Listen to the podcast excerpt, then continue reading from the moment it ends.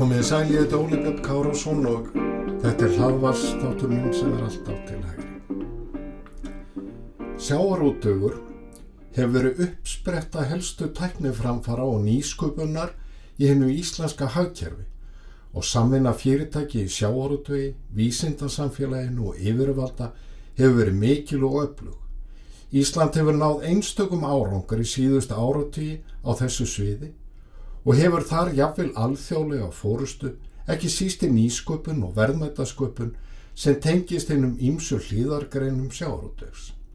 Þessi árangur hefur vakið aðtekli víða meðal annars hjá erlendum fjárfestum sem hafa í auknu mæli lagt fjö í íslensk fyrirtæki sem starfa í hlýðargreinum sjáarútöks. Þetta er tilvitnun í miðustöðu viðamikillar skýslu um stöðu og horfur í íslenskum sjáarútvegi og fiskeldi sem unnin var af óháðum sérfræðingum að beðni Kristjáns Þórs Júliussonar þá var hendur sjáarútsaráþra og kom út á liðnu ári.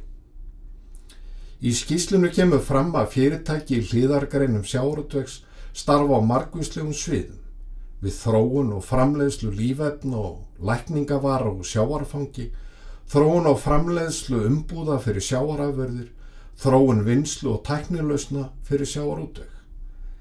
Árið 2018 var fjöldi ársverka í þessum fyrirtækjum 2540 og námu samarlega rekstratekjur um 78 miljörðum króna. Þessi skísla er mikilvægt innlegg í umræðuna um íslenskan sjáarútveig, stöðu hans og þá ótrúlegu möguleika sem fyrir hendi eru á komandi árum ef rétt er staðið að verki. Áallad er að framlegslu verðmæti sjáurútvegs og tengdara greina hafi verið um 332 miljardar árið 2019 og þar af hafi verðmæti veið og vinslu verið 260 miljardar. Framtíðin getur verið björnt því verðmætasköpun í þessum greinum geti aukist í 615 miljardar árið 2030. Reknaði er með mestum vexti í fiskaldi og hröðum vexti í líftækni og ör þörungum. Með sífælt aukinni tækni og bættir nýtingu, ekki síst uppsjáfis, er hægt að ná fram auknum verðmætum í vinslu þó ekki komið til aukning í abla. Skíslu höfundar telja erfitt sé að meta verðmæta aukningu í búnaði og þekkingu en benda á að á síðust árum hafi orði mikil þróun hjá þessum fyrirtækjum, nýjar vörur og tækni komið fram, svo sem vaskurður, ný vinslulína, ofurkæling, nýr fristibúnaðar fyrir uppsjóvarfisk, ný hönnun á ísfiskskipum, nýjar umbúður og meiri reykjanleiki. Og þeir segja þróunum mun halda áfram og næstu tíu ár er reikna með að framlegsluverðmæti nær tvöfaldist. Mörg íslensk fyrirtæki hafa náð góðum árangri og erlendri grund og byggist hann ofta á öflugu samstarfi við innlend fyrirtæki og krefjandi heimamarkað. Ef vöxtur verður í öðrum hlutum virðiskeðjunar með það hafa bein áhrif á þróun á sviði búnaðar og þekkingar. Hafi einhverjum ekki verið það ljóst áður þá ætti enginn að þurfa efastum eftir lestur skýslunar að sjáarútugur hefur og verður aflaki öflura nýsköpunar innan og utan greinarinnar. Með fiskveiðu stjórnunarkerfinu hefur ekki aðeins verið lagður grunnur að nýsköpun og auknum verðmætum heldur hefur Ísland skapað sér algjöra sérstöðu meðal ríkja og setja þegar kemur að greiðslun sjárótusfyrirtækja fyrir aðgang að auðlundum. Íslensku sjárótur er svo eini sem borgar meira til hins ofinbera en hann fær greitt úr ofinberum sjóðum. Sú staðrind, segja skýsluhöfundar, að Íslensk sjárótusfyrirtæki geta staðist samkjöndina jafnvel og raunberi vittni er annars vegar merki um góða stjórn fiskveða og fjárhanslega styrk sjáorútvegs á Íslandi en einnig um bátt ástand í fiskveðum annar staðar. Sem sagt, okkur Íslandingum hefur tekist að byggja upp einhvern hafkvæmasta sjáorútveg heims sem er skatlaður sérstaklega á sama tíma og flestar þjóðir halda úti umfónsmikilli ofinberi aðstóð. Þessa ríkistyrtu starfsemi hefur íslensku sjáarútugur staðist í harður í samkjefni á erlendum mörguðum. Það er því magnað að tilsjöu stjórnmólamenn sem tala og berjast fyrir því að kollvarpa þessu kerfi og veikja ennfrekar samkjefni stöðuna með ofursköttum. Þá sé ég bara, ó, hvað sagan gleimist fljótt. Fyrir daga kvótakerfisins var útgerðar og fiskvinnslufyrirtækjum haldið við hungurmörk og rauninni fyrir neðan þau með millifæslum og gengisfællingum. Öðlundum var sóað og sóknarkerfi og pólitísk miðstyring letið til of fjárfestingar. Kerfið var rótið, gegnsýrt af millifæslum til að styðja við óhagkvæman og ósjálfbæran sjáarútau. Búin var til eins konar vítisvill, þar sem gengi krónunar var eitt helsta hagstjórnartækið og það felt reglulega. Gengisvellin, gengisi, gengis aðlugun urðu orð sem flestum urðu töm. Hluti að veruleika íslensk launafólks sem þurft að bera byrðarnar til að halda óarðbærum atvinnurekstri áfram í súröfnisvél. Gengið fælt um 9% í kjölfar nýs fiskverð, saði forsýðu uppslætti tímans 4. janúar 1983 um leið og tilkynnt var að gjaldiris afgjörislu bankana yrðu lokaður. Gengi var fælt til að bæta fiskvinnslinu upp hækkun fiskverð sem hafði verið ákveðin nokkur dögum áður. Tíminn hafði það eftir stengri með Hermannsinn við sjáorðusaráþur og formanni framsóknarflokksins að erfitt væri að bæta fiskvinnslunni skadan af verðhækkuninni nema til komi gengisfelling eða gengis sig. Um leiðar tilkynnt að niðurgarðisla og olju til fiskiskipa er aukinn úr 22% í 35%. Gengisfellingar, gengisi og það sem stjórnmálamenn kölluðu og fallegu máli, gengis aðlugun, voru fastur hluti á okkar íslenska veruleika fram á síðasta áratug liðinar aldar. Helsta stjórntækið, eins og áður sagði, var gengi íslensku krónar sem var felt eftir þörfum sjáurútöksins.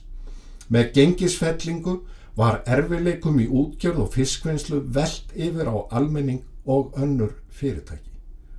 Óhagkvæmni sjárótvegsins var baggi sem launafólk varð að bera. Töfralustn á öllum vanda var gengis felling. Komist var hjá því að stokka upp spilin í sjárótvegi og taka á óreiðu í fjármálum eins og ofinbera. Tæpa ári áður en tíminn sló upp 9% gengisfellingu á forsýðu greindi morgumblaðið frá því, það er að segja 1982, að gjaldiris deiltir bankana hefðu verið lokaðar í átta daga, í átta daga og að aðeins nöðsynlegar yfirfæslur fái hafi fengist gegn því að við komandi hafi greitt 15% aukagjald ofan á hinn raunverulegu fjárhæð sem síðan verði gerð upp þegar nýtt gengi verður skráð. Þá hafði gengi íslensku krónunar ekki verið skráð í tólf daga. Í ágúst 1982 gaf ríkistjórnin út bráðabyrðalög um aðgerður í efnagasmálum en vegna samdráttar þjóðartekna og í þeim tilgangi að draga úr viksverkun kaupgjáls og verlags skal frá 1. desember 1982 fella niður helming af þeirri verðbóta hækkun launa sem ella hefði orðið saði tilkynningu ríkistjóðnarinnar sem sagt fella helming af verðbótum launa nýður. Jafnframt var gengið felt um 13%. Það var ákveðið að sá gengismunur sem kann að myndast eftir sölu og útfluttum sjáaröfurum skuli lagður inn á sérstakann gengismuna sjóð. Skildi sjóðunum varið til að styrkja sjáarötuðin. Þá átti að draga úr innflutningi meðal annars með því að takmarka lán til vörukaupa og kaupa á vélum og tækjum. Ragnar Arnalds fjármálar á þeirra sagði að þessu tilefni með þessum bráðabyrðalögum er byrðunum dreift, vítt og breytt. Flestir verða að taka eitthvað á sig, bæði launamenn og atvinnuregstur. Frá ársbyrjun 1980 til byrjun árs 1982 hekkaði gengi dollars um liðlega 160% gagvart íslensku krónu og á sex árum frá 1980 til 1986 fjall krónan um nær 600% gagvart dólar. Verðbolga var krónisk. Árið 1980, 81 og 82 var verðbolgan alltaf yfir 50% og 1983 var hún 84% og fór raunar upp fyrir 100% á tímabili innan afsins. Á sex árum frá 1980 til loka árs 1985 liðlega 11 faldaðist verðlag á Íslandi hækkaði um meira en 1000%. Efnaðarslífið og kerfið allt var því í raun komið að fótum fram. Fjármálakerfi var í heljargreipum, ofinbæra afskiptu og stórun hluta í ríkisegu og undir pólitískri stjórn. Sérstakur úrheldingarsjóður fyrir fiskiskip var starfræktur til að hvetja útgerðamenn til að leggja skipum en það hafði soknarkerfi og pólitísk miðstyring leitt til of fjárfestingar. Aförðarlán voru veitt til að styðja við útflytjandur og óljusjóður greitti niður óljukostna fiskiskipa eins og áður saði. Frangatastofnur ríkisins var ætlað að hlaupa undir bakka með sérstakri fjárhagsaðstöði útgerðafyrirtæki ekki síst bæjarútgerðir sem flestar voru á barmi gæltrótt svo sveitarsjóðir heldu þessum veikburða bæjarútgerðum á lífi sem dró aftur úr möguleikum sveitarsjóðana, sveitarfélagana að sinna annari þjónustu við íbúana. Sjárótöðurinn var því þurfalingur sem var haldið hungurmörk með millifæslum og gengisfellingum og auðlendum hafsins var sóað. Dugnaða forkonum var haldið niðri. Útsjóna sem í útgerð og fiskvinnslu var bönnuð, allt á kostnad almennings. Þegar kvótakerfið kom fram í sínu fyrstu mynd árið 1984 var rekstur sjáoröldusfyrirtækja sem sagt herfilegur, svo ekki séu nótuð sterkari orð. Árið 1982 var 40% taprekstur á útgerðinni og 13% 83, 19% 84. Afli fór mingandi vegna ofveði samlega því að gríðarleg umfram framleiðslu geta var til staðar. Fiskmarkaðar þekktust ekki heldur var fiskverð ákveðið af opiðbeinu verðlagsráði og millifæslu kerfi voru ríkjandi þáttur. Sjáarútvei hafði því verið haldið um langan tíma uppi með lánum á neikvæðum raunvöxtum. Ásker Jónsson Sæðlabankastjóri bendir á í grein sem byrtist í þjóðmálum árið 2016 að eftir að verðtryggingu var komið á árið 1979 hafi farið að þrengjað mörgum skuldsettum fyrirtækjum í sjárótvei. Hrun Þorstopsins árið 1989 var síðan gríðalegt áfall, útgerðin var á leiðinu á hausin og við lág að hún myndi draga bankakerfið með sér. Nýjundi áratugurinn endaði því með stóru það sem Áskjör Jónsson kallar beilátti eða björgunaraðgerð fyrir sjáorútvegin sem var hins vegar öðrum þræði fremur, beilátt eða björgunaraðgerð fyrir bankakerfið sjálft. Ásker segir að þá hafi svo mikilvæga breyting orðið að abla heimildir urðu framsænlegarlegar árið 1990 og það hafi skapað grunn fyrir hagræðingu í greininni og hinn hagkvæmari fyrirtæki keftu út þau lakari. Samhliða hafi sjáorudus fyrirtækin stækkað en jafnframt hafi stóðum verið skotið undir gríðarmörg, lítil og sérhæfð fyrirtæki.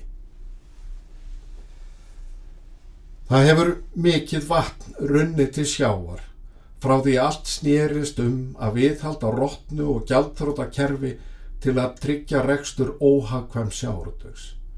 Nú rýfast menn ekki lengur um gengisfellingar, millifæslur eða hversu mikið beinan og óbeinan ofinberan fjárstuðning við veiður og vinslu skuli veita. Bæjarútgerðir íþing ekki lengur sveitarsjóðum. Átökinn eru um hversu þungar álugur eigi að leggja á sjáarútveik umfram aðrar atvinnugreinar. Og að einu leiti er þessi ágreiningur góður, því hann er merki um hversu vel hefur tekist til við skipulag fiskveðustjórnunarkerfisins sem er fyrirmynd annara ríkja sem eru með sjáarútveik í sambandi við ofinberar súrefnisvélar. Þurftamadurinn hefur sem sagt komist í álnir og helsta auðlind þjóðarinnar er nýtt með arbærum hætti, ólíkt því sem áður var. En öfundin er mörgum í blóðbórin og því tala margir af mikillir léttúð um að kollvarpa stjórnkerfi fiskveiða sem hefur verið forsenda þess að sjávarudögur hefur náða blómstra. Umræðan á Íslandi um kvótakerfið er óheilbrið þráhyggja, saði doktor Þráin Eggjason, profesor í Hagfræði í viðtali við frjálsa vestlun árið 2011. Þráin sem er einn fremsti hagfræðingur heims á sviði stopnanahagfræði hefur fært rauk fyrir því að fiskveðu stjórnarkerfi sem merkilegasta framlag Íslands í skipulagsmálum og rauninni eina framlag. Aðra þjóðir sem reka ríkistiktan sjáoruteg líta til okkar Íslendinga öfundar augum. Sem sagt, með kvótakerfinu var hægtinn örglega sagt skilið við kerfi sem var fjármagnað með lakari lífskjörum almennings. Og í dag greiðir sjáurutöðurinn herri gjöld til ríkisjóðs en nokkur önnur aðtunningurein og er eina aðtunningureinin sem þarf að greiða eða bera sérstök auðlundagjöld. Skattlagning fyrirtækja sem er umfram það sem gengur og gerist í helstu samkeppnislöndum veikir auðvitað stöðu samkeppnisgreina, hvort heldur er á erlendu mörkuðum eða á heimamarkaði. Um þetta er í raun ekki hægt að deila. Þetta eru sannindi sem ættu að vera öllum ljós. Þetta á jæmt við um sjáuröldveg sem aðrar atvinnugreinar. Hagkvæmni sjáuröldvegs sem byggir á skynsömu stjórnkerfi fiskviða, kvótakerfi með framsali á samt markvissri markaðsókn, auknum gæðum og nýtingu og nýsköpun hefur gert ríkisjóði kleift að leggja sérstakar byrðar á sjáurútvegin sem keppir við ríkistyrta keppinauta. Og þessu vilja pólitískir lukkurittarar bylta og um leið með einhverjum hætti stór auka álögur á sjáurútvegin. Ég þakka þeim sem hlýtu Egil Góðarstund